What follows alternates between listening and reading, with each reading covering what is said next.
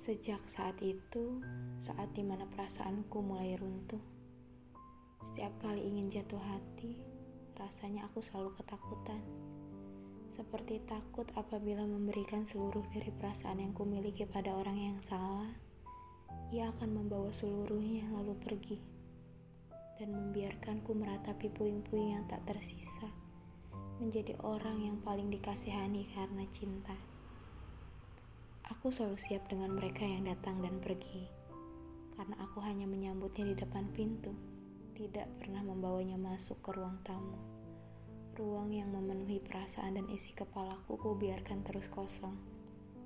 Setiap kali aku menyambut seseorang di depan pintu, aku memikirkan ribuan kali membiarkannya masuk ke ruang tamu.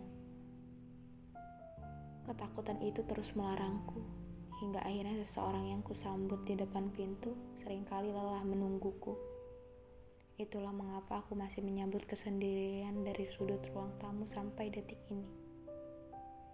Tetapi aku percaya, nanti walau tanpa aku biarkan masuk, akan ada seseorang yang memiliki kunci dari pintu hatiku yang kokoh, yang dapat membuka gembok ketakutan dalam diriku yang akan menjadi satu-satunya orang yang membuatku percaya bahwa cinta bukan tentang kepergian, tapi tentang hal yang terus menetap dan membersamaiku menghadapi senang dan sedihnya hidup, yang akan tetap menggenggam tanganku bahkan ketika seisi dunia menjauh.